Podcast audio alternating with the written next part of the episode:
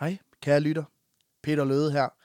Det afsnit, som I skal til at høre nu, det er et, som vi optog øh, live under festugen nede i øh, Jyske Bank, eller i samarbejde med Jyske Bank. Det blev også livestreamet live på Facebook, så nogle af jer har måske, øh, har måske set det før. Det var et arrangement, som Jyske Bank havde øh, arrangeret nede i øh, den gamle Fætter BR-butik i Aarhus, og nu bliver det meget internt. Men der har de simpelthen sat øh, et studie op, hvorfra de lavede en masse forskellige indslag i løbet af festugen, og der havde, vi, havde de altså spurgt, om vi havde lyst til at komme og, og lave en livestream og optage et, et afsnit live, og det havde vi selvfølgelig. Øh, så det er herfra, det er Alexander, der er historien med. Vi skal snakke om øh, en flatulist, og så kan man sidde og spekulere lidt over, hvad, hvad det er, sådan en laver. Inden vi øh, hopper videre, jamen så vil jeg egentlig bare lige kort nævne vores samarbejde med Zetland. Øh, for det er sådan, vi har den her ambassadørkampagne, øh, som man nok har hørt om, hvis man har fulgt lidt med i vores seneste afsnit, hvor man øh, kan få Zetland for lige præcis den pris, man har lyst til. Til gengæld, jamen, så får man også adgang til et helt eksklusivt afsnit af Vanvittig Verdenshistorie, som vi har lavet øh, kun til dem, der skriver sig op i den her periode. Øh, og den her periode, den løber faktisk ind til i morgen, øh, mandag. Og det vil faktisk sige, at jamen, øh, hvis du gerne vil høre det her afsnit, så er det ved at være sidste udkald. Hvis du sidder nu, og det er onsdag, og du sidder og tænker, det vil jeg da gerne have hørt. Ja, tough shit. Øh, det, er der, det er der sgu ikke så meget at gøre ved. Det er ikke et afsnit, der, der udkommer nogen steder efterfølgende. Det er udelukkende til, til dem, der skriver sig op til Zetland. Til gengæld ved, at de skriver op på, til Zetland for et valgfrit beløb, jamen så øh, får vi 200 kroner at lave podcast for, og I får adgang til en rigtig, rigtig fed øh, online medie. Øh, følg linket ned i beskrivelsen, så kan I komme ind og blive fuldt på vej. Og så er der jo ikke andet at sige end, øh, lad os komme i gang. Der er lige den arbejder bare, at jamen, øh, da vi sad dernede, så glemte vi faktisk at, at ranke historien på vanvidsbarometeret. Så når øh, afsnittet er slut, så kommer der lige øh, igen, at vi, øh, vi, vi lige går ind og, og ranker den. Øh, fordi den skal selvfølgelig have en placering på vanvidsbarometeret. Det, det er klart. Så god fornøjelse. Vi øh, lyttes ved bagefter.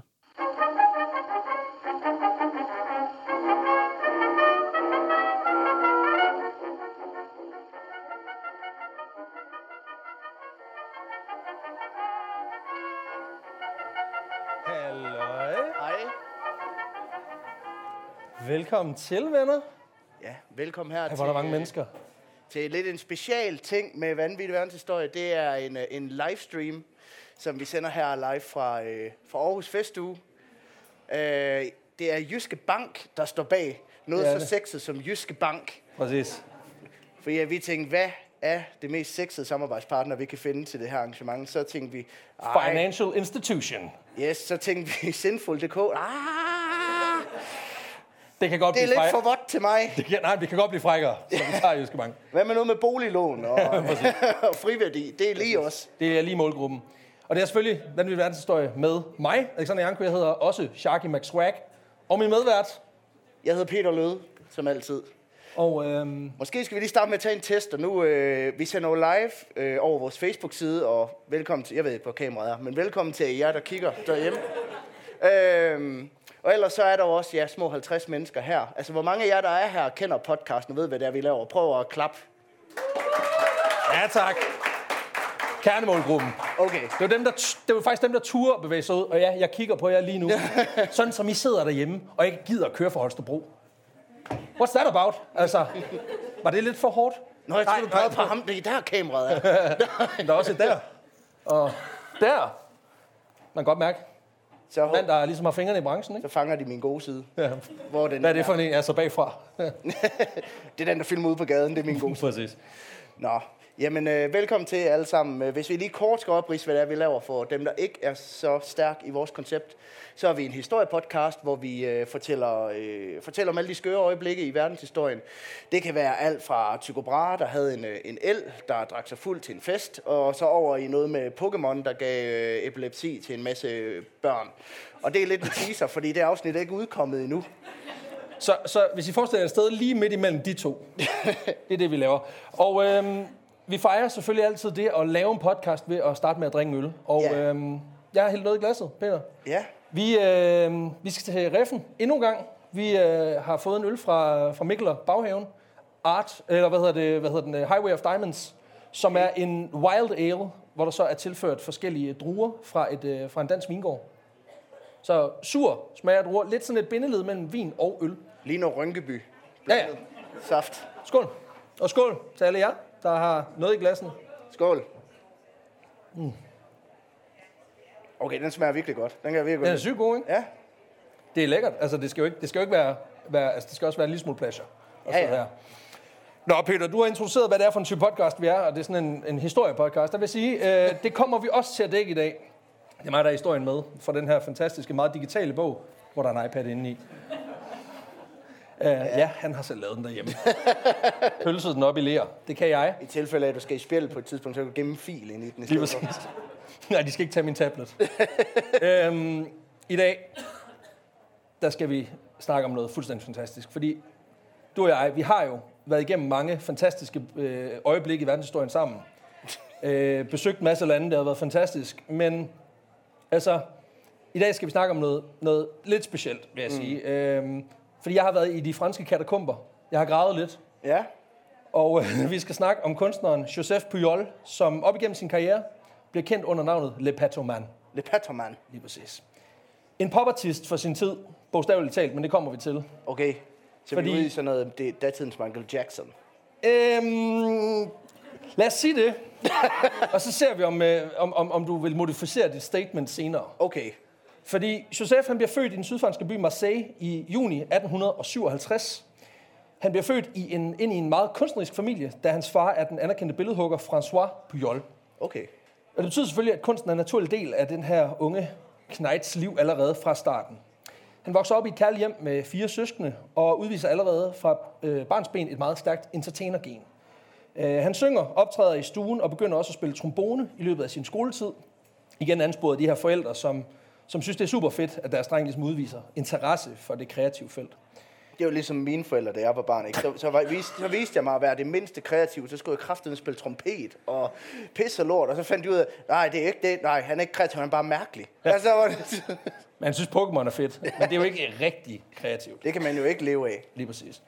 Umiddelbart så bliver den kunstneriske vej dog ikke lige hans i den forstand, at han øh, i sine unge år faktisk dropper at forfølge det her musikalske på professionel plan, mm. for at tage et lidt mere hands-on karrierevalg øh, i form af job som bager. Altså han vil uddanne sig som bager. Det kan man sige, det er også en kunstform i sig selv. Øh, men det, det er meget en, et, en håndværksting, han går, han går ind i der. Ja, altså, Øhm. det er jo det der. Altså, en bager, det er jo... Altså, hvis det havde været finkultur bager, så havde han jo været konditør. Konditør. Altså, konditør. Og det- det bager, det er jo øh, Han bliver nok mere provokatør senere. Øhm, og man kan sige, provokatør. Ja. Ja, ej, det vil jeg Anyway, godt. Jeg trækker øh, tilbage dem. De, Man kan sige, man bliver bare ikke verdenskendt øh, kunstner, der har, der har det rette niveau af vanvid til at komme med i vores podcast ved at bage fuldkornsflyts. Så der skal lidt mere til, og det er også derfor, at, han, øh, altså, at, at, at vi, skal, vi skal et andet sted hen. Hvidløgsflyts. Lige præcis. Øhm, for det er hverken hans, hans kagebagning eller hans mm. trombonetalent, som ligesom gør ham interessant for os. Men det er noget musikalsk. Okay. Sådan der. Fordi han har et talent. Et meget særligt talent. Okay. Øh, altså mest på den måde, at ordet sær øh, Okay. indgår i et særligt. Øhm, og det er et talent, han opdager i sin sene teenageår i 1870'erne. Historien, som han selv fortæller den senere hen, det er, at han en dag er ude at svømme i havet ved den franske sydkyst. Og det er sådan set en dejlig dag ved vandet, som så mange gange før. Og Pjol, han er lidt en vandhund. Ja, ja. Ja. Så han øh, svømmer ud et stykke længere end navlen, og, øh, og så dykker han skulle lige en, en tur under the sea. Selvfølgelig ved at holde vejret. Men lige pludselig, der er et eller andet. Hvad er det for noget? Det er noget mærkeligt noget. Han kan ikke rigtig forklare det, men, men lige pludselig så går der en isnende kulde igennem den her unge mands krop. Okay. Det er en følelse, han aldrig har oplevet før, selvom han har været i baljen en del gange i løbet af sin, øh, sin barndom og ungdom. Hvor gammel er han på det tidspunkt? Han er øh, 16-17 år. Okay. Øhm, og når man er ude på dybt vand, og man mærker noget ret ubehageligt, så kan man sige, det er ikke sådan, at man så bliver hængende Nej. i vandet. Så han, øhm, han svømmer lynhurtigt mod land, fordi han simpelthen er bange for, at han er blevet bit af et eller andet. Fordi der er, der er et eller andet, som det murer, det er lidt mærkeligt. Åh oh, nej, han tissede i vandet. Nej. øhm, da han kommer op på stranden, der kan han lynhurtigt konstatere, at han i hvert fald ikke er blevet bit. Han er ikke kommet, der er ikke noget, der, der, er noget, der har været efter ham. Okay. Men han opdager, at der er et eller andet galt. Øhm, for det rumler sgu lidt. Øhm, så han har brug for at slippe en vind. På Ausi Mausi. Han har sgu fået lavsmag, så han har brug for at slippe en vind. Åh, oh, for helvede. Men det er altså ikke luft, der kommer ud. Øhm, for da han trykker, da han trykker af, så kommer der simpelthen fin, den fineste lille samlestråle vand ud af, ja. Fordi det viser sig simpelthen, at den her isnende fornemmelse, han havde i numsen, det simpelthen var, han, at han simpelthen opsamler saltvand I, I anus. i anus, som man så kan skyde ud igen. Whenever he wants. Det sjove er jo i det øjeblik, at, jeg, at vi siger, der kom, han kan samle saltvand i anus, så kan man lige se over i døren. Der er nogen, der var på vej ind, og de siger, ah, fuck det. Jeg tror, der er noget nede på Stortorv, som er lidt mere fedt. Øhm. Men det viser sig simpelthen, at han har en evne til at, at ud af røven, ja. Ja. Og jeg ved godt, hvad du tænker. Du tænker, fy for saten. Og ja, det er da ulækkert. Men, Josef har fået en gave. Ja, det er jo, altså... Fordi, du skal tænke på, det er jo ikke... Det kan godt være, det er ulækkert. Det er altså ret fedt partytrick. det er i hvert fald sådan, det bliver brugt. Fordi i de kommende år, der ynder han simpelthen at vise det her talent frem ved forskellige lejligheder. Og, og, kunne, og kunne kort tricks er et fedt party-trick. Og kunne... Øh, Jonglere. Noget, en jojo, et ja, eller andet. Ja. Men det var ikke opfundet endnu. Det er derfor, man, man, sidder, man sidder til en fødselsdagsfest, og så der nogen, der siger, skal I se den? Skal, I, skal, I, Skal jeg lave min skal I lige have den? eller Og så skal det jeg bare lige- lige... Hvor for sand. Altså, det er ret meget det, der kommer til at ske nu. Fordi han bliver blandt andet ret meget center of attention, da han som 18-årig kommer ind og springer som soldat i den franske her. Fordi han viser angiveligt det her trick som sådan en form for icebreaker, når han møder nye rekrutter og soldaterkammerater. og isen er også brudt. Det må man... Altså, Og de synes angiveligt, det her det er mega hilarious. Øhm, så det bliver beskrevet i flere kilder, hvordan han sådan underholder i barakkerne om aftenen. Når de er på øvelse, ja, så, øh, så går han skulle lige i barakkerne. Folk de er sådan lidt trætte, de, de murer lidt i, i skulderbladene, og så er de sådan lidt, Josef, prøv lige at lave den med numsen, du kan. Og Josef, han er sådan lidt, selvfølgelig. Så, øh, så hent den balje. Præcis. Så han suger simpelthen øh, vand op i røven, øh, og så begynder han at skyde den flere meter igennem barakkerne til stor jubel for sine soldaterkammerater. Og nu skal jeg bare lige sige, jeg har ikke været i hæren. Øh, så jeg ved ikke, om det er det normalt. Jeg kan godt se, der er mange, som kigger som om, det er ikke normalt. Øhm, Der er også et par, der er sådan, det er meget normalt. der sidder nogen nede bag, os, som kommer i Klub Smil. De ved, det er normalt. De kender det. Øhm, og jeg tænker også, at der er, noget, der er noget fantastisk i at tænke de her franske gentlemen, som er vant til et, altså et, et, et system i den franske her omkring, altså sådan forbilledelige, vi er, vi er ordentlige mennesker. At de simpelthen lige har, de får også en mega lolleren over en, der er i... de har sluppet manerende på en aften, for at se en mand skyde vand ud af røven.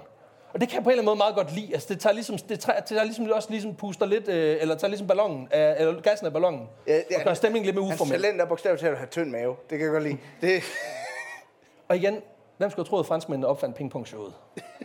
Men det har de altså gjort. Efter sin tid som soldat, der tager han den her baguddannelse færdig, og åbner lille bageri i Marseille. jeg håber han, øh, virkelig, han vasker fingre bagefter. Ja, men han bruger primært dagen på at lange brød over disken. Nå. Øhm, blandt andet bliver han ret kendt for sine fuldkornsboller, Okay. øh, som åbenbart er nogle, det, det er nogle gode, gode boller, han laver. Okay, så ind, altså, by day, så arbejder han med dig, og så By day, så. by, by night, så er det sådan lidt en anden form for dig. Ja, præcis. Nej, men fordi det er altså ikke kun brød og kage, han langer over disken i det her lille bageri. Fordi hvis kunderne spørger, hvis, bør, hvis kunderne spørger, Ja. så giver han skulle lige et nummer. Øh, og det er ikke på trombone.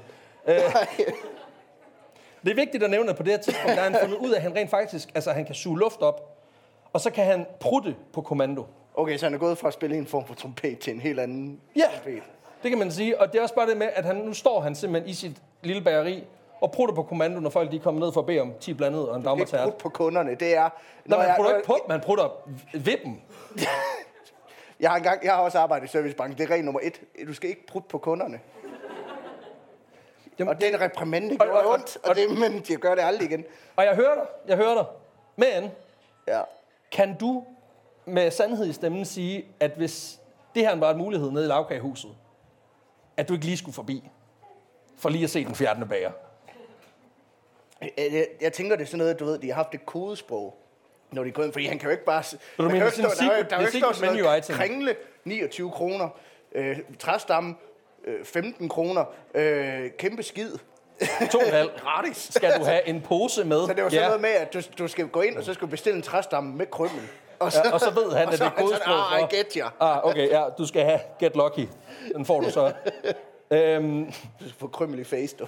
præcis. Det er også bare ideen om, jeg var nede og en kage med min datter til hendes fødselsdag for ikke så længe siden. Og jeg tror, det havde ødelagt stemningen lidt, hvis at bageren bag ved disken havde sagt, skal du lige have et nummer? Ja, så er han også pusset lysene ud inden. Hvad for nogle instrumenter skal det være? Skal det være trompet eller, eller røvtrompet? Nå, tilbage på sporet. Fordi, ligesom hans tid med trombone, så har Jos- Josefa indset, at intens træning måske også kan bringe noget godt med sig.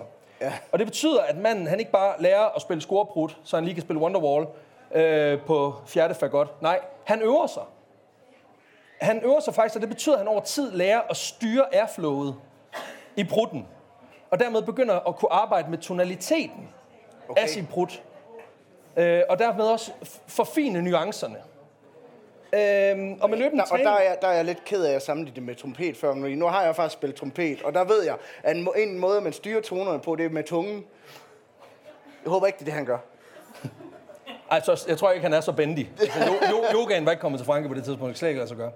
Nej, men, men løbende træning og sådan en lille smule gehør, så formår han faktisk at modificere prutternes lyd til for eksempel at imitere forskellige dyrelyde, øh, forskellige lyde af, af, af instrumenter, lyden af en kanon, øh, og også en række andre forskellige ting. Det er også meget fedt at lave parodier. Det kan jeg godt Altså, han, han- prutter Lav, lige, lav sælen. Han laver prutparodi. Altså sådan, Ja. gå op på scenen, sådan, ja, kan I høre, hvem det er? Nå, men han er ikke... Nej, for han, går- han, Han er er ikke så Carter, spot on.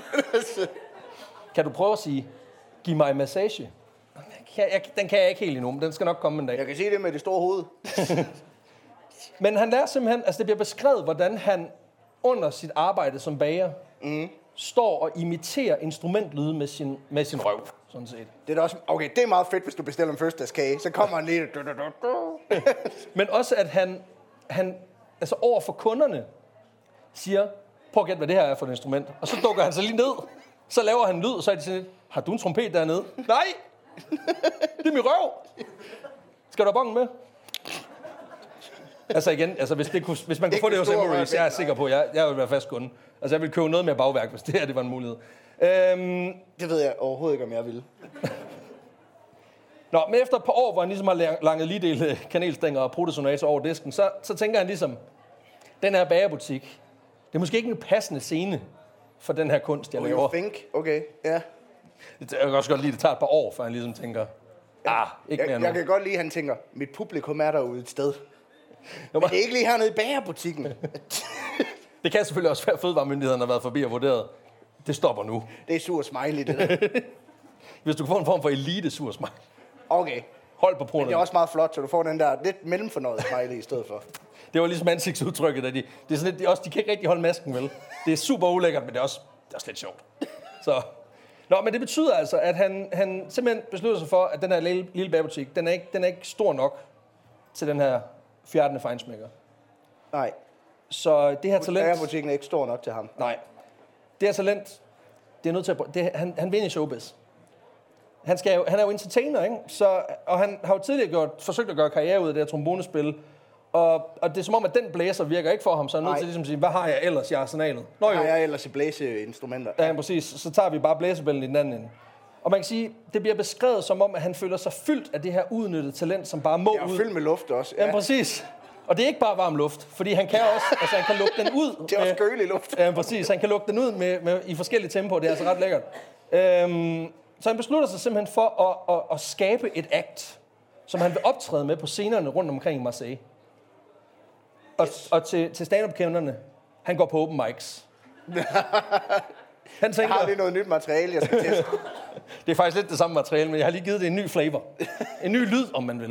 Øhm, men ja, han begynder simpelthen at, øhm, at gå ud og forsøge at optræde med det her på scenerne rundt omkring i øh, den her sydfranske by. Men det er også meget fedt, fordi at det er jo ikke kun en visuel oplevelse. Det er jo ikke kun en, en lydoplevelse. Det er jo Det også en, en duftoplevelse på mange måder.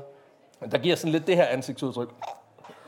Men det er også lidt sjovt. Altså, kan du, kan du, kan du dryhive og grine samtidig? Er det tror ham, jeg der har opfundet, hvis du ikke kan lide duften i bageriet, så skal du gå ud? Der ligger en joke der et eller andet sted, men jeg synes, du skal lige prøve at arbejde lidt på den. Øhm, vi skal også lige huske på, at på det her tidspunkt, vi snakker slutningen af 1800-tallet, altså 1880'erne, start 90'erne her, det franske samfund er forholdsvis snærpet omkring, hvad man taler om i offentligheden, og hvad man ikke taler om i offentligheden. Mm. Øh, og prutter er generelt ikke et hot topic, kan jeg forstå. Nej, og igen, why? Altså, jeg forstår det ikke. Det er som en bubber-reference. Øh, det er bare hele landet er bare bubber. Jeg forstår det ikke. Jeg forstår.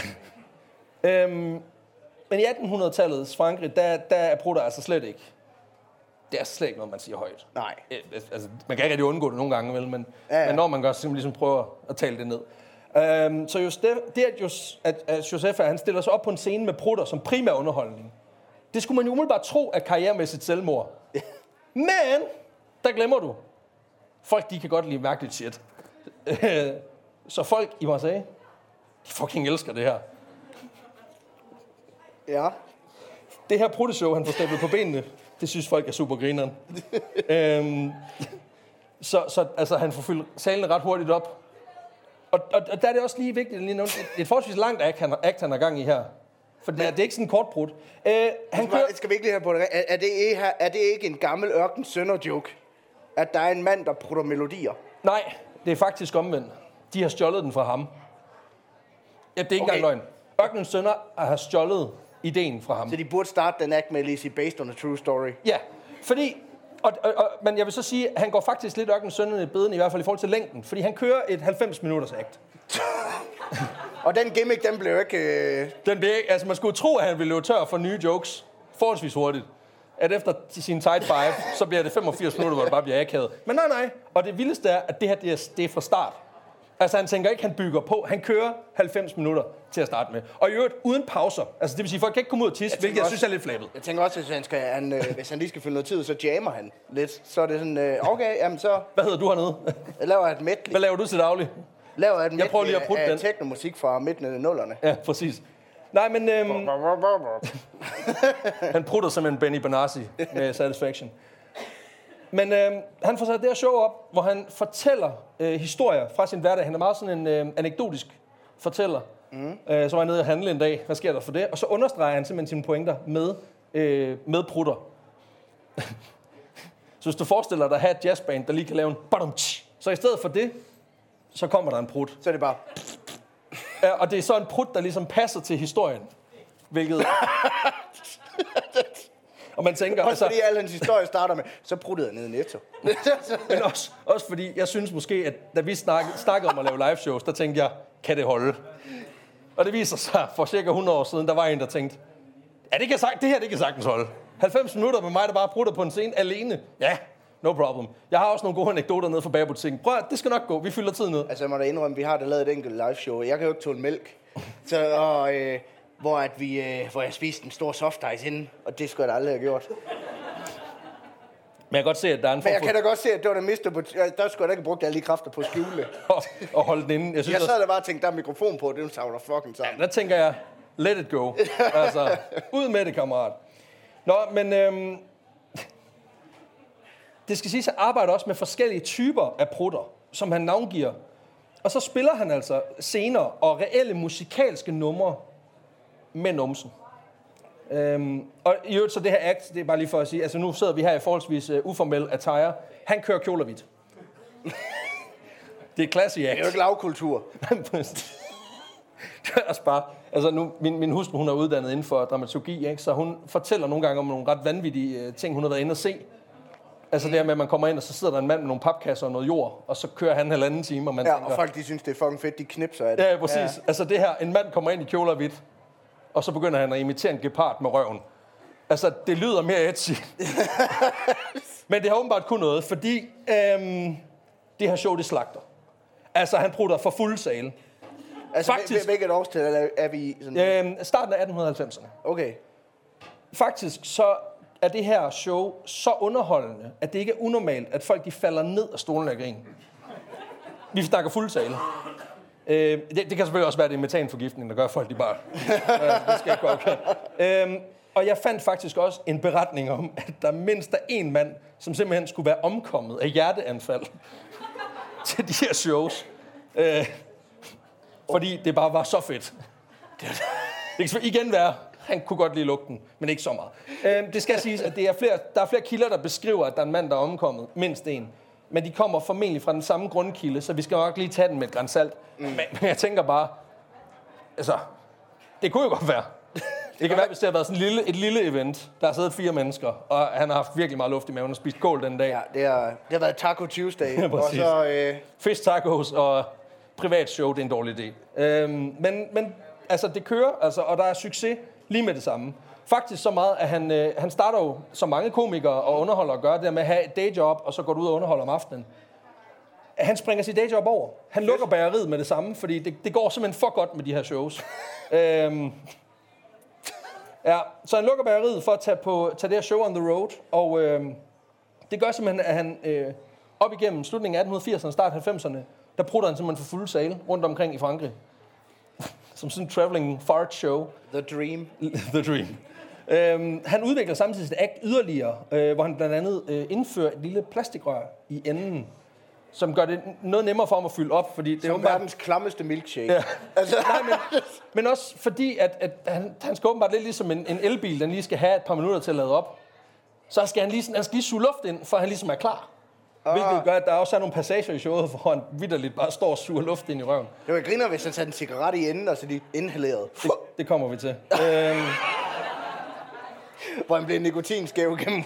præcis, fordi i løbet af den her tid, hvor han er on the road, der udvikler han altså faktisk et pingpong-show. Fordi han begynder eksempelvis at puste lys ud på meters afstand, hvor han ligger det sig lyder ned. som fire hazards. Jamen, det er det, der er det smarte, det er, at det er ikke metan. Det er også bare almindelig luft nu, så, så det er ikke så... Åh, oh, ja, oh, ja. Præcis. Det er det, jeg glemmer øhm, Øhm, til. Det er faktisk, at det er luft, han bare hiver. Direkte ud af. Jamen, præcis. Øh, han begynder at ryge med røven. Øh, Ja. Det bliver rigtig klamt, da han begyndte at tage snus med røven. Ja. og så begynder han at spille øh, musikinstrumenter med luften. Så det er tr- trompet op. Nej, nej, men altså, øh, hvis du forestiller dig, rør, plastik, saxofon. Ah, Fordi han skal også kunne nå klapperne. og så vuvuzela. For ligesom at, at bibringe minderne om, hvordan det var til fodbold i Sydafrika. Ja. Øh, I 1892, der stopper han sin turné. Men det er altså ikke fordi, at populariteten den er faldende. Tværtimod. Nej. Faktisk så er det fordi... leave them hungry, som man siger. Jamen, det er faktisk fordi, at der, der er kommet job på bedring, som han er, har svært ved at sige nej til. Fordi hans show, det er så godt, at et af de store, store showsteder i Paris, de skal bede om at få Joseph Pujol ind som et household name. Han har, skiftet, han har stiftet det her kunstnernavn på det her tidspunkt, Le Petoman, som groft sagt kan oversættes til The Fart Maniac, eller Pruttegalningen på dansk.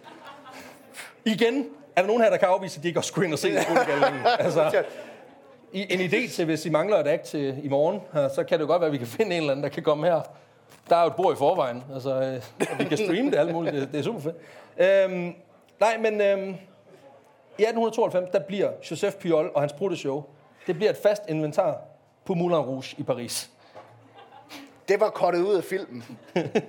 Det fik man ikke med. Nej, det gjorde man godt nok ikke. Det gjorde man ikke. Det var Øhm, bare noget med Scarlett Johansson, og er hun ikke med i den? Ham, der spiller Obi-Wan Kenobi, er i hvert fald. Han er i hvert fald med. Nå, men uh, Moulin Rouge er på det her tidspunkt et af verdens mest, og det er det jo stadigvæk i dag, en af verdens mest anerkendte showsteder. Øh, og har i over 130 Der er så år... stor vindmølle op ovenpå. Det var ham, der fik den til at køre rundt. Præcis. øh, I 130 år har det underholdt millioner af, af mennesker fra nær og fjern med forskellige acts, især inden for cabaret-genren. Mm. Øh, det her det er ikke en del af cabaret-genren, det er mere sådan en vaudeville øh. Igen, det er et, øh, lige ude i kanten af, hvad man, hvad man kan tillade sig inden for de gængse rammer af underholdning i slutningen af 1800-tallet. Ja, ja. De, er, de åbner i 1889, så man kan sige, de er stadigvæk den øh, klassens frække dreng på det her tidspunkt. Hvilket måske også har gjort, at de har tænkt, ja ja, vi tager ham derind. Han virker... Det, det, virker, det virker som en god idé. Øhm, og det er et akt ud over det sædvanlige, kan man sige, også på det her tidspunkt. Altså, vi har magikere, som får ting til at hæve sig fra jorden. Vi har en skaktyrk, øh, som, som kan spille skak. Som, altså, der er en dværg inde i kassen, ikke? Ja, ja. Det var en joke til kenderne. Øhm, men, men, men det her, det er stadigvæk, altså i, i den scene, altså vi har også på det her, Houdini starter også på det her tidspunkt tidligt. Ja, ja. Så, så, så der er nogle vilde ting i gære, men det her er alligevel en af de mere mærkelige. Men der er Moulin de, de spotter sig talent, øh, og tænker, han skal, han skal ind her. Og det bedre borgerskab i Paris, de er altså svært begejstrede for det her akt. Og øh, over de næste tre år, der optræder Joseph altså for fuld huse med et proteshow af en anden verden. Nogle af højdepunkterne, det bliver det her med at puste lys ud, lave parodier af kendiser med, med pruttende temalyde. Så den der joke om Mercer Carter var ikke helt ved siden af. Øh, det er en form for tæt, tæt, tæt på sandheden. Bare hvor Jonathan Spang, han lægger sig op på disken, og ellers bare går i gang. Okay, nu bliver det lidt samfundsrelevant. Her kommer den. Her kommer skattesagen. Her kommer den. Hvidvasksagen, nu som brudt. China. Prøv at gætte, hvem det er. Øh, Han har små hænder. Det er også Nasser Carter, der imiterer Donald Trump. Øh, Præcis. Det viser sig også, at han på det tidspunkt har lært nogle, øh, nogle kendte sange. Altså, han har lavet nogle, han har ligesom opbygget et, et, øh, Et, et, et repertoire. et, et repertoire af bangers, som han også lige kan spille. Han Blandt er andet, human jukebox. præcis, han er The Human Dupe. Blandt andet, så har han givetligt lært at spille den franske nationalmelodi, Le Marseillaise, med røven.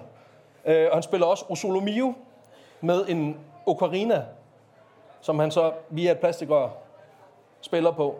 Så han går altså Zelda i bedene, og så spiller han nationalsangen. Er, En ocarina er et rigtigt er det et rigtigt instrument? Ja, ja. Altså, Jeg ja. tror, det var sådan noget fra Legend of Zelda. Nej, nej, det er et ægte instrument. Og han spiller på det. Nå. Og spiller øh, nationalmelodien. Hvilket jeg tænker er en form for... Er det ikke en form for sådan... Altså, statsfornærmelse eller et eller andet, men, men de er åbenbart ligeglade. De synes bare, det er fedt. Jo, det er lidt ligesom at spille recepten Med røven. med røven. Jeg er ikke sikker på, at den var gået. Øhm, men de her bangers, eller farters, som jeg godt kan lide at kalde dem, de bliver, taget, de bliver taget godt imod i store dele af det franske samfund, især i den øverste del.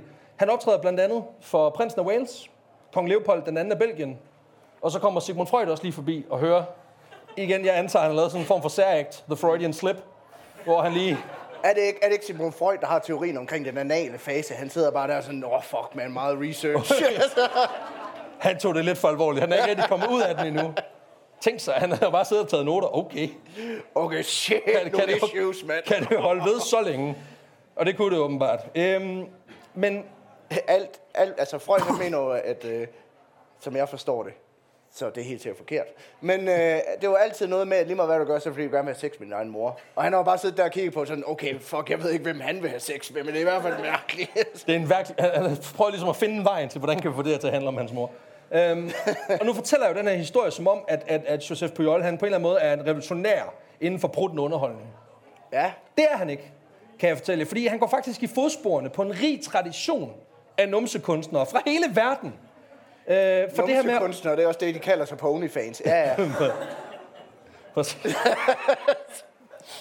kan godt være, at den her skulle have været på OnlyFans. Det skal jeg ikke kunne afvise. Øhm, for op igennem historien, der er Joseph langt fra den første til at underholde samfundets top med den, øh, den nederste Den, trompet. den, den ædle kunst. Den ædle kunst. Fjernsomani, ja. Der findes faktisk, jamen det, hed, det har faktisk et begreb, der findes tekster rundt omkring i Europa, helt tilbage fra middelalderen, som beskriver, at adelen og de rige lod sig underholde af prutter. Af det, man kalder for flatulister. Flatulist. Ja, this is a word. Det er fantastisk. Øh, blandt andet så skulle Henri den anden, eller Henry II af England i 1100-tallet have tilknyttet en hofnar, som fik navnet Roland the Farter. Fordi hans main act, det var at prutte på kommando. Hold kæft. Et kunstnernavn. Ja, det er det.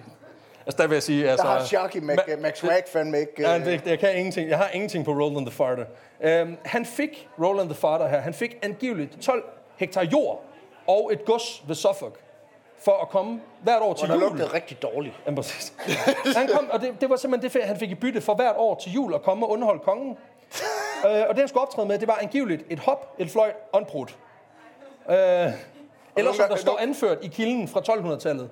Øh, unum saltum, unum siflotum og unum bumlumbum. Jeg har været inde helt seriøst og kigge en, at læse en kronik fra 1200-tallet, for at være sikker på, at jeg har udtalt det rigtigt.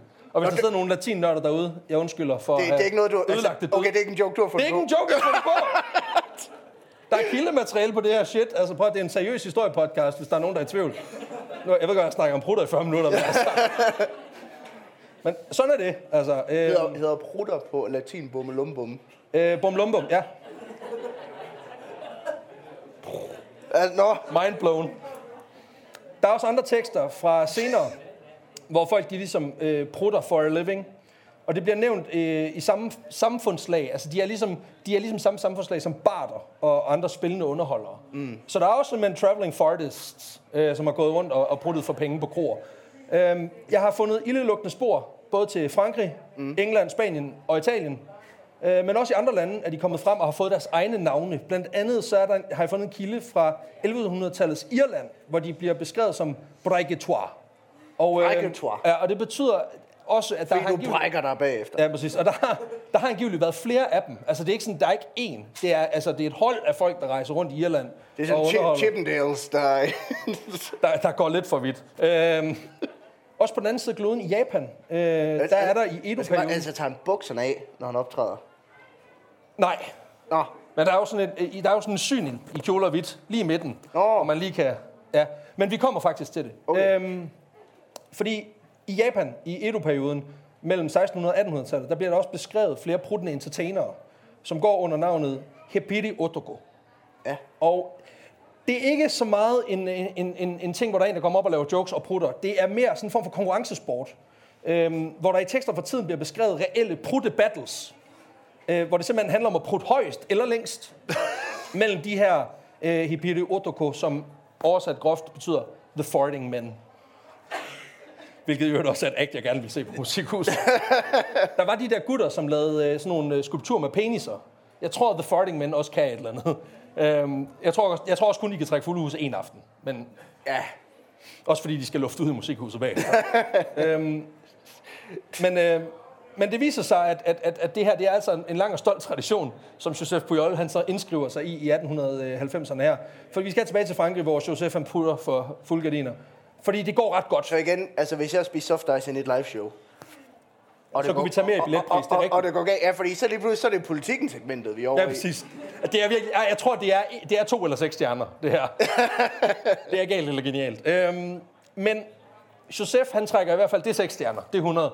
Øh, og det er, det, det er folkeligt. Og det er, øh, Ja, nej, det er ikke bare knips, altså det er stående øh, ovations her, fordi det går faktisk så godt, at han på de bedste dage angiveligt kunne indbringe op til 20.000 frank, hvilket svarer til en lille million i nutidskroner på en enkelt dag. på en enkelt dag. Øh, jeg tænker også, der har været flere shows på en dag. Øh, det kan godt være, at han lige har skulle tage nogle pauser imellem, men øh, lige få en vand, lige få renset ud. Men, men, men ja, omkring en million. Øh, til sammenligning, der kunne Sarah Bernard, som på det her tidspunkt også er en af... Var kendt for at være en kage, ja. Ja, også, ja, der var også et menneske bag kagen. Nå, People are just not, are not just cakes, Peter. Øhm,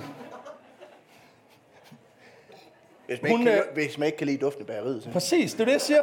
Der var den. Der var et callback. øhm, hun var på det her tidspunkt en, en meget kendt skuespiller i Frankrig, og faktisk også i resten af verden, Okay. for, sin, øh, for sine optrædener. Øh, hun har optrådt også øh, med forskellige shows på øh, Moulin Rouge. Hun kunne indbringe 8.000 frank på en god dag. Åh. Så han ligger altså over dobbelt. Øhm, Men så kan man jo så sige, at det er jo fordi, at hun ikke har været villig til at, og tage prutten ind. at tage prutten ind. Måske. Igen, noget, af, noget, nok noget af en mus-samtale. Vi skal have de tal op, Sarah. Jeg tænker, Jeg tænker, hvordan har du det med prutter? tænker prut eller strip. Der må du så selv vælge. Om burlesk var jo en ting på det her tidspunkt. Åh ja, det så der er jo nogen, der har haft sådan, været rimelig let påklædt, og folk har været alligevel været sådan lidt, ja, det er fedt, men de prutter jo ikke. så, så jeg synes, at priserne er alt for Jeg høje. vil ellers på se en lille tyk mand, der prutter. Præcis. Med den her store succes, der følger selvfølgelig også en del beskydninger om snyd og humbug.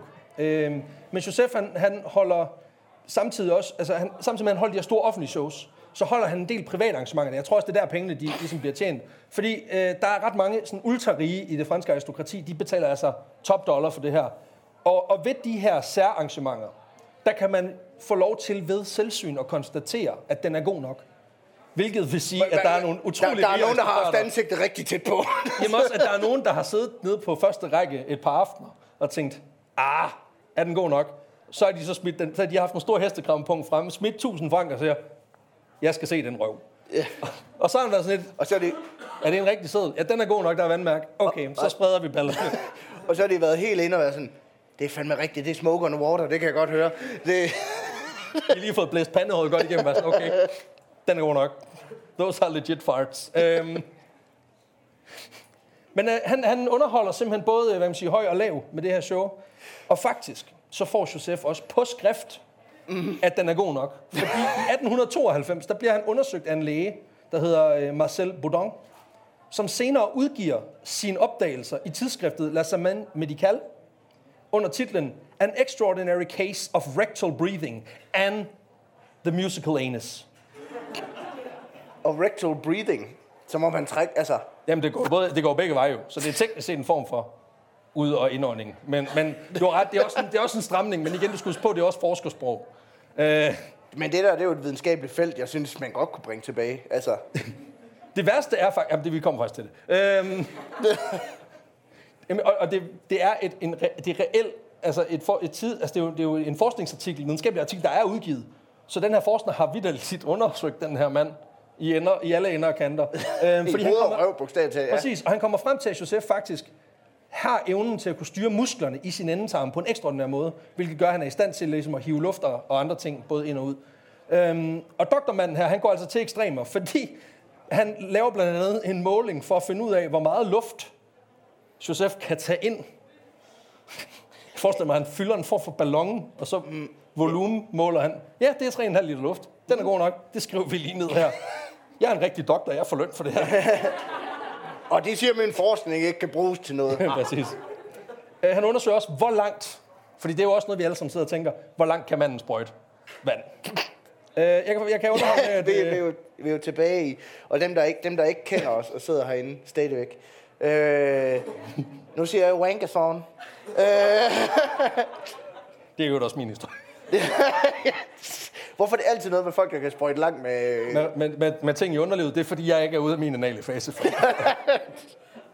Freud, Freud han ville bare have, han ville hygge sig så meget med at analysere. med mig, ja. Nå, men, øh, men ja, han undersøger simpelthen, hvor langt kan manden sprøjte. Og jeg, igen, jeg forestiller mig noget med et målebånd og noget, og jeg kan jo underholde med, det er 5 meter. 5 meter. 5 meter, præcis. Og bare han har rullet papir ud og sådan, er det, er det prutvand, eller er det drøb fra loftet? Ingen ved det. Vi tager den med. Det er 5 meter. Lugter er det samme. Ja. Præcis. Josef har virkelig tur i den. Altså også fordi nu er han ligesom medically approved. Han er også tur i tarmen, ja, ja. Præcis. Og ifølge en af kilderne til den her historie, der er han angiveligt på det her tidspunkt den bedste betalte entertainer i verden. Okay, Så så, det er også bare, det, det, det, der, var, der er nogen, der spiller for fuld sal i England, i USA på det her tidspunkt, og de har ingenting på en mand, der prutter for penge. Øh, hvad er vi her? Starten af 1900-tallet-agtigt. øh, ja, nej, øh, slutningen af 1890. Slutningen af 1800-tallet. Ja. Ja. Hvem var populær på det tidspunkt? Jamen det er det. Houdini, øh, ja. P.T. Barnum med sin... Øh, øh, altså vi har, også, vi har også folk, der optræder, de tager, der tager mennesker rundt i human zoos, altså optræder ved at tage folk ud af deres Jamen, miljø der- i, Afrika, så og ud, Der vil jeg så også sige, at der, der synes jeg, det er totalt fair, at ham, der prutter for penge, han tjener mere end dem, der er fucking endespærre mennesker. Og spændingssten. det skal siges, det var Der ikke... væltede lige en væg. Det skal lige siges, det var ikke med vilje. Det var ikke en, en form for det, var, understregning. det var jo mit Fiat-nummer. Og det virkede. Det var, ikke, det, var ikke, det var ikke vores forsøg på at understrege en pointe om, at, at, at vi underholder mere og får chok-effekten. Men øh, jeg tænker, vi bare kører videre. Øhm, fordi ligesom herinde... Alle, så, alle er okay. Ja, håber vi. Øhm, for ligesom herinde, så, øh, så ender det ikke altid lykkeligt. Bare fordi der er tur i den, så kan der jo godt blive sået skår i glæden. Ja, og er efter tre år, der går det altså galt. Oh, oh. Fordi Josef er et ret elskværdigt menneske. Øhm, så der er en af hans bagerkammerater, har lidt problemer med at, at, at få sin gang i sin bagerbusiness, få det til at løbe rundt.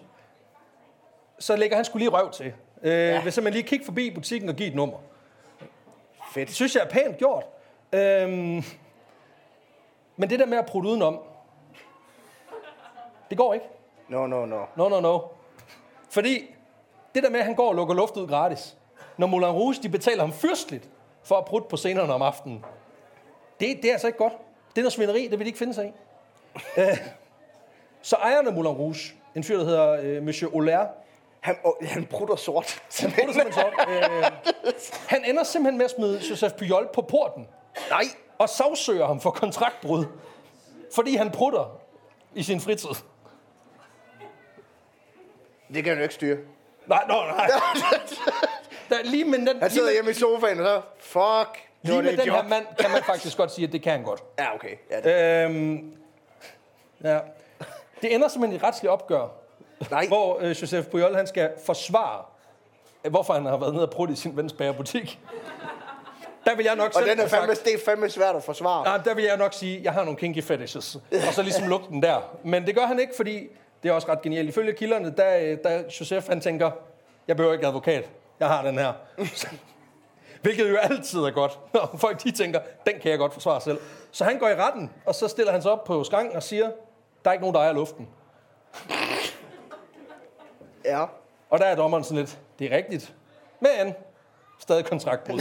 så, øhm, ja, så han, øh, han ender simpelthen med at blive sagsøgt og taber sagen. Nej. Jo, hvem skulle have troet det? Øh, Men det er også lige meget, fordi Joseph, han, altså, han, det er jo ham, der har talentet, ikke? Og nye vinde blæser, så Pyol, han øh, går sin egen vej. Han opretter simpelthen øh, ved hjælp af sine utrolig mange penge, fordi han har jo tjent ret godt på det Ja, her. det er klart. Der opretter han simpelthen et nyt roadshow øh, under navnet Teatre Pompidou, som lyder som det fedeste teater i øvrigt i verden, fordi det han gør, det er, at han ansætter en røvfuld mimikere, klovne og skuespillere, som så skal spille forskellige scener, mens Pyol han ligesom prutter musikken. Hvis du synes, Okay, i- showet på Moulin Rouge var fedt, det er som om, han lige giver den et niveau I mere. går var jeg i musikhuset for at se Star Wars episode 5, hvor de, hvor de spillede musikken live ved siden af. Det er jo en lang og stolt tradition, kan jeg høre. Forestil dig, at der går to mimer på scenen og begynder at lave ægget, mens der er en mand, der sidder og prutter nede i hjørnet. Der er bare to, to mimer, der går på scenen, og mimer, de fægter med lyssvær. Mens han ligesom prutter lysvær effekterne. Ja, det er sådan cirka det. No, I am your father. It's impossible! Ja. Jeg ved ikke, hvordan man prut imiterer Mark Hamill, men det kan han se- selvfølgelig, Pyol her. Og det går sgu ret godt, fordi det her act, det, det, det, det henvender sig også til en del flere, end det gjorde på Moulin Rouge, fordi det har været lidt, altså, øh, for de lidt mere velstående. Altså, billetprisen er forholdsvis høj. Ja, så nu er det, nu er det blevet, øh, Nu er der gået Cirkus Benvejs i det er blevet mainstream. Nu er han som hjemme præcis, han har ligesom opbygget sit, det er lidt ligesom de der øh, radioværter, der starter deres karriere i DR, og så bygger et eller andet mega fedt op, og så tænker de, ved du hvad, skulle vi ikke lige gå over på en konkurrerende platform og lave en podcast, hvor vi laver det samme. Det er bare grebet ud af den blå luft. Øhm, sådan noget af den stil. Og der kan man sige, der, der tænker han, nu laver vi det til masserne, og det fungerer altså ret godt. Jeg har også altid synes masser af hold blev fedt, hvis de lige slog en skid med det. Han ville have gjort det godt, hvis han nu ligesom pruttede dilemmaen. øhm, så han, han formår faktisk at holde øh, skibet, øh, skruen i vandet, udbygge sin formue og, og, og spille for, for fulde huse endnu en gang, mens sideløbende, der Det går er også fordi det med at holde skruen i vandet, der mener han jo bare at stikke røven i vandskåben, og så, så bare- kæmpe, så Ja. kører speedbåden. så kører båden. Præcis. Og sideløbende med det her, der går det faktisk lidt ned ad bakke for Moulin Rouge. Nå, for fordi fanden. Man kan sige, ja, der var kontraktbrud, ja, det var noget lort, men, men, men nu mangler de jo et act. Ja, ja. Og øh, det ender simpelthen med, at de, øh, de tænker, vi bliver nødt til at holde fast med prutterne. Så de laver en slatten kopi ved at lave en, en, en anden, altså en kvinde, der hedder La Femme Petoman. Den kvindelige, altså prutte. Den, præ, den kvindelige, øh, pru, den, den kvindelige pruttegalning, præcis. Okay, ja. Øh, det viser sig så, at det er primært bare en kvinde med en blæsebæl ind under kjolen. Fordi hun kan ikke prutte på kommando. Så hun faker. Prutter hun ud af... Nej, hun gør ikke. Nej, hun, hun gør af eller, altså, skal, Nej. Skal det forestille, hun prutter ud af Nej. front eller bag? Det ved jeg ikke. Det ved jeg ikke. Sorry, man. Så, så meget gik jeg ikke ind i kælderen. Jeg var mere interesseret i hans prutter end hendes. Og så har hun en blæsebæl, det er der ikke nogen, der, det er jo, det er jo giga. Jo, men har du set kjolerne dengang? Altså, Ej, det de var jo 8-9 kvadratmeter, så det, det er jo fint. Hun kunne vidderligt, altså hun kunne have haft altså et hold af folk, der prøvede, når nogen, opdagede det. Men, men det viser sig, at de, de prøver at køre en slatten kopi, og det opdager folk ret hurtigt. Og, og derfor så ender de faktisk også med ligesom at få noget, noget flak offentligt, fordi de prøver at efterligne Pujol. Så det er altså det er sådan en Christian Bits kopi. Ja, præcis. Øh, og han, altså, han har jo tur i den, så i, næ- i de næste 10 år, der, øh, op igennem starten af 1900-tallet, der videreudvikler han på det her prutteshow, og forsøger at gøre det faktisk, han forsøger faktisk at gøre det lidt mere clean, så, så prutterne ikke fylder så meget. Og det lykkes også okay, i den forstand, at han, Skriver han lige nogle jokes og spiller lidt guitar ind imellem. ja, der kommer lidt Wonderwall, så prøver han både at lave den på instrument og på sit eget instrument. Øh, så, kan de så, så kan de stemme om, hvad for en de synes er bedst. Øh, men, men altså, han forsøger at, at ned, altså også at, mm. og ligesom at, at, bringe de her, det er også meget fedt, det der man tænker, at de der prutter fylder for meget. Jeg synes, vi skal give klovnene mere plads. Øh, og det gør han. Og det lykkes også for ham, fordi han kører faktisk det her show op igennem øh, nullerne og starten af 1910'erne. Det stopper dog, da Første Verdenskrig bryder i 1914, og Joseph ligesom må for det første se nogle af sine brødre blive såret i krigen, og samtidig så er der ret meget underholdning, som folk de ligesom, de dropper ligesom at gå ud Ja, men det er, og lade sig det, det er jo smageligt at optræde med prutter, når der er folk, der dør i- af sennepsgas. skyttegrav, ja, altså, Ja, det, er, det er selvfølgelig rigtigt. ja, det, det kan jeg godt se. Lige, lige i kontekst, der er det ser det dumt ud. Øhm, Og den her nedgang i efterspørgselen betyder så også, at Josef han, han faktisk lægger pruttehatten på hylden for godt. Øh, og så ender han med at bruge sin formue på at købe en kiksefabrik øh, i Toulon, tæt på hans fødeby. Og, og, og der, der, der, der styrer han så den med hård hånd indtil, indtil han dør i 1945. Og, og der må jeg bare lige sige, jeg synes, det er magisk, at vi har, det er ikke første gang, vi har det her i vores podcast, at der er en franskmand, der laver et eller andet fuldstændig spektakulært, og så laver han virkelig et pivot i slutningen Ja, af sin og karriere. virkelig komme over og lave noget. Bare ra- altså rain. Også på en eller anden måde er det jo det mest bizarre twist i den her historie. Mand, der har levet af at prutte og været verdens største entertainer i 30 år. Hvad gør han? Bruger hele formen på Gjørn Kiksefabrik. han vurderer simpelthen, Bastogne, det er fedest. Altså, det må være det. Og vi har faktisk lavet historien om uh, Tour, de, uh, Tour de France, det første Tour de Ja. France. Der havde vi jo uh, Maurice Garin, som uh, startede livet som, som uh, hvad hedder, skorstensfejer, ender med at blive den, den bedste cykelrytter i, i, mm. i starten af, af 1900-tallet. Og da han er færdig med at være cykelrytter, kører en tankstation. og så er det det, han lever. Altså, jeg kan godt lide den der, den der franske, den franske ydmyghed over, nu har vi prøvet det fede, nu skruer vi helt ned. Og skal lave noget helt andet. Øh, men han ender simpelthen øh, historien, øh, han ender simpelthen livet som, som kiksefabrik ejer. Og i forbindelse med hans død i 1945, der skulle et parisiansk medicininstitut angiveligt have været parate til at betale en ret stor sum til familien, for simpelthen at få lov til at obducere øh, Joseph Pujol, for simpelthen at se, hvordan er de rør lige lagt. altså, hvad fanden, hvad fanden foregår der? Sag, sagde de ja til det? Nej, Nå, fordi de har jo, prøv at, de har kiksepenge nu. Altså, we got that biscuit money. we got that biscuit money. Og det var simpelthen historien om Joseph Pujol, der gjorde prutten til fredsunderholdning i 1800-tallet. Men inden vi slutter, så vil jeg bare lige sige, at Pujol har faktisk inspireret tonsvis af popkultur mm. øh, efter sin død, både i form af film, musik, forskellige sketches, blandt andet Ørken Sønner, som åbenbart har lavet en, øh, en ret... Fjertoman, De har ja. lavet en fjertoman joke. Og vigtigst af dem alle sammen, nu skal vi også, altså fordi der er faktisk, der findes den dag i dag en prutteartist, ud over det svanlige. Nemlig en, øh, en gut, der hedder Mr. Methane. En britisk mand, som, som siden 1991 har underholdt med sit prutte act. Og i dag, der lever han blandt andet af at lave covers af populærmusik på YouTube med sin røv. Yes. Og hvis der er nogen, der sidder og tænker, OnlyFans har jo ligesom skiftet branchen lidt ud. De, de, ikke lige så, de satser ikke lige så meget på det samme indhold længere. Jeg har lidt penge, der lige brænder. Så kan man faktisk booke Mr. Methane til at lave en, øh, altså et, et cover, spille et særligt nummer mm. kun til jer. Så her kommer han! Nej, desværre. og jeg tænkte overvejet kraftigt, skulle vi, skulle vi, fordi jeg, jeg ved jo, du er glad for musik, især black metal. Ja. Øh, og jeg vil ønske, at jeg kunne sige, så nu kommer der et nummer af Methane, øh, af Mayhem, udført af Mr. Methane. Jeg synes bare, fy- 700 kroner, det var lige lidt for det. øh, til at få en 50-årig britte til at spille uh, Another One Bites the Dust med numsen. Øh, så, så det bliver altså uden Vi i har, dag. brugt, vi har brugt penge på værre ting. Det er selvfølgelig rigtigt. Men jeg kan kun anbefale, at folk de lige tjekker Mr. Methane ud, øh, fordi der ligger virkelig mange numre derinde. Så øh, I, I skal nok kunne finde noget, I kan lide. Men det var simpelthen historien om øh, Joseph Pujol, og det var alt, hvad vi havde til jer i dag her fra Vanvittig Verdens Historie. Ja. Tusind tak til alle jer, der er kommet. Det, det er helt vildt, vi kunne formå at, at fylde det hernede. Ja. Ellers er der ikke så meget mere at sige. En god weekend. Vi lyttes ved på søndag. Jeg håber, jer, der ikke kendte os, øh, har fået en smag for, hvad det er, vi laver. Og hvis I... Og, og en duft. Og, og hvis I kunne lide det, så gå ind og tjek os ud. Vi hedder Vanvittig Verdenshistorie, ligger inde på Apple Podcast, Spotify, øh, Alle alle de gængste steder. Hvis I synes, det var, det var sgu ikke lige, øh, det var ikke lige mig, så vil jeg sige, hvis I ikke kan lide duften i bageriet, så the door is that way. Og igen, tusind tak til, til Jysk Bank for at give os en, øh, en platform til at fortælle, hvad der lige putte jokes i en time. Det er fantastisk. Det var Så- sådan set det. Ja, tusind tak, fordi I kom.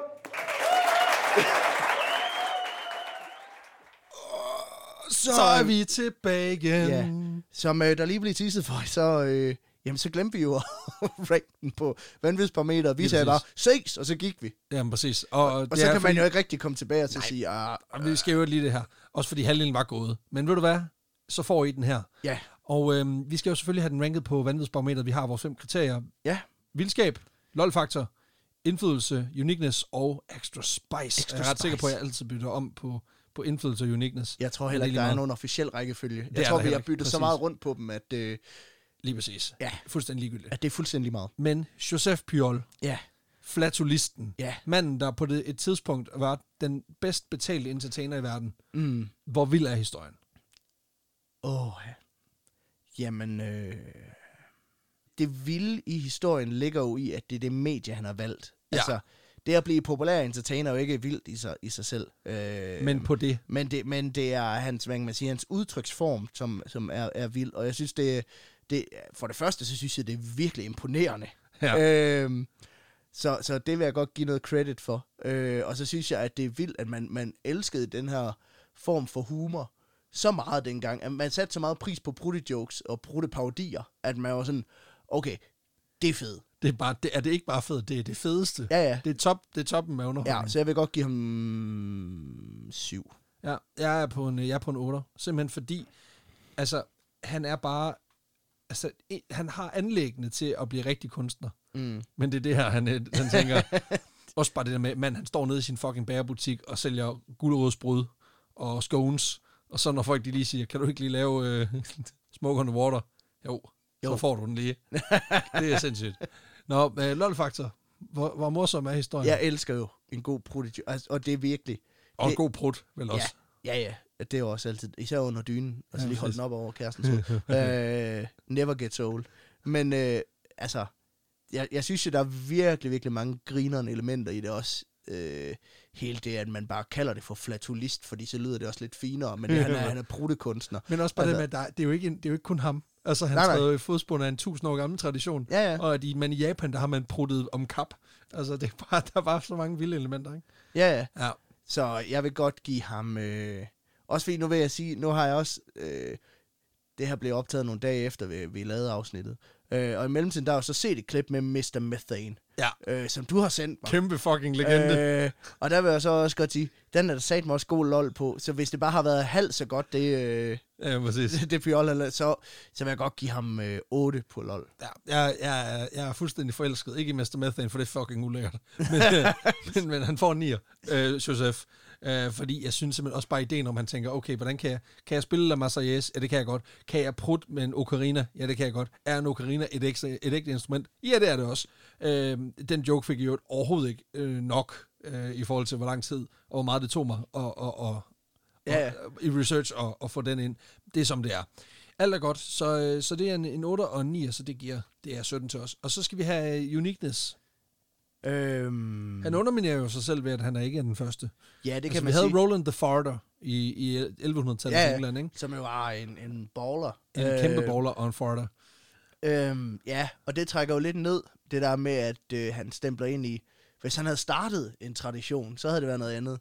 Men Præcis. han, han melder jo lidt ind i en, i en ja, tusind år gammel, stolt tradition. af- Præcis, men, hans, men hans muskler, hans, øh, hans nedre øh, lower abdomen mm. er jo meget unikt. Ja, ja, man kan sige, at han havde jo i hvert fald nogle fordele i henhold til den her disciplin. Men også, at han tager det så langt, fordi han er jo ikke den eneste, der kan kontrollere sine prutter.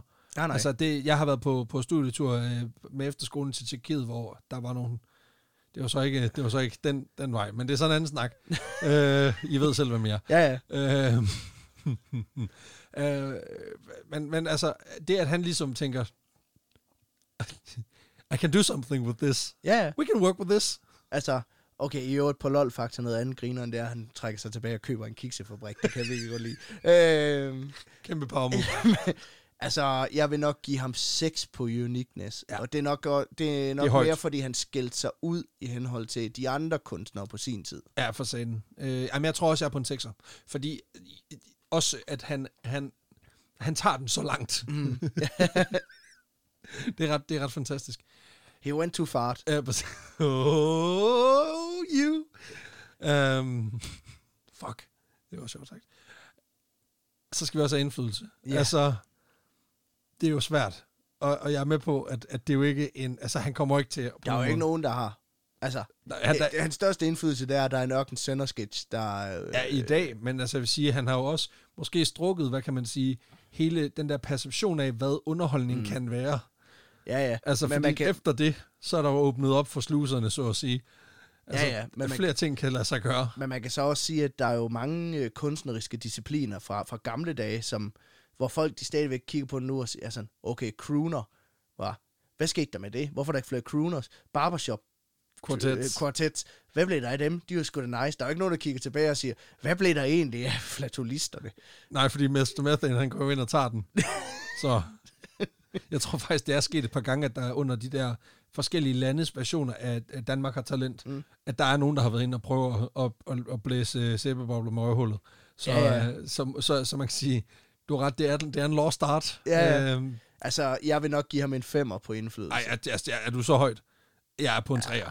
Ja, En hård, altså en hård, hård ildelugtende træer. altså, det bliver jeg, ikke til mere. Øh, Det er simpelthen, det vil, være for, det vil simpelthen være en, altså en jeg, hån. fandme, jeg, jeg, er også, jeg synes, det er svært. For det er også det der med, jeg ved ikke nok om, jamen det kan være, at der er en helt flatulist-verden derude, der bare er sygt inspireret. Men så er den jo ikke, så er den jo ikke, altså man kan sige, hvis den ikke har penetreret, hvad kan man sige, zeitgeisten og, og mainstream, så har den jo ja, ikke, det er selvfølgelig. Jamen, jeg vil godt, så er jeg på, jeg vil jeg faktisk godt gå ned på en 4. Ja. Øhm, Jamen, det er, det er alligevel stærk, stærk performance. Og så har vi den jo. Ekstra spice. Der er ekstra... Puha.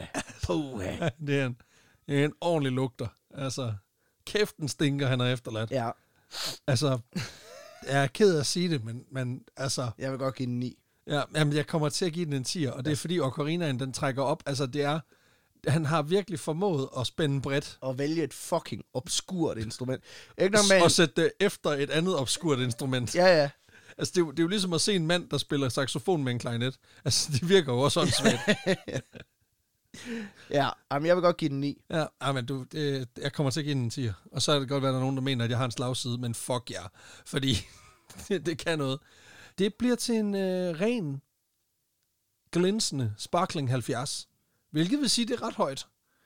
Ja, øhm, det, det ligger, er, det ligger i, øh, den, i den øvre kvartil øh, for, for vores, øh, for vores, øh, Mm. vores hidtil nu dækkede emner. Vi har jo også haft mange mærkelige kunstnere med i, altså, som har lavet alt muligt bizart, der har lavet ready-mades. Vi har haft folk, der øh, øh, kastet skeletter på folk i biografen. Øh, For at nævne to. ja, folk, Hvilket, for altså, nu har vi også lavet 150 episoder, så, ja. så der er mange ting at nævne. Øh, vi har haft en som øh, en kunstner, som øh, ikke kom ind på musikskolen, og så hvad, startede en verdenskrig. Ja, præcis. Sådan noget. Øhm. Eller en, der ikke, du ved, fik sin højere handelseksamen og endte med at starte et, et oprør, der i bund og grund endte med at være en slagtefest i Kina. Det er en anden snak.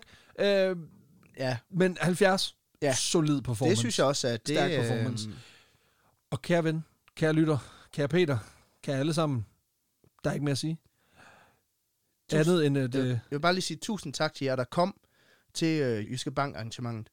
Vi var i tvivl om, hvor mange der ville komme, også fordi vi havde måske været lidt dårlige til at gøre opmærksom på det. ja. Øh, så det var super fedt at se, at, øh, at alle sæderne, de var, de var fyldte. Der sad især to yngre kvinder lige, sådan, lige midt for. Ja. De, var, de var meget excited. Ja. Så skud Og ud vi til jer. ved, vi ved, I hører det her. Ja, ja det, så, det er jo... så skud ud. Ja, præcis. Det er jo super fedt. I ville blære jer i, i, gym, altså, i, I gymnasieklassen dagen efter, altså over, okay, vi har været nede, vi har fået taget billeder med dem. Har I, har I fortalt mig, at jeg har fået et shout-out? Ja, præcis. Nej, de hører det også. Ja.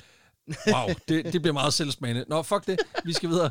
Øhm, kære lytter, tusind tak, fordi du lytter med. Det var fantastisk. Øh, hvis du vil øh, lytte det her meget eksklusive øh, afsnit, som vi har lavet i forbindelse med Zetlands ambassadørkampagne, så gå ind og skriv det op til Zetland en måned for et valgfrit beløb fra en krone op til en milliard.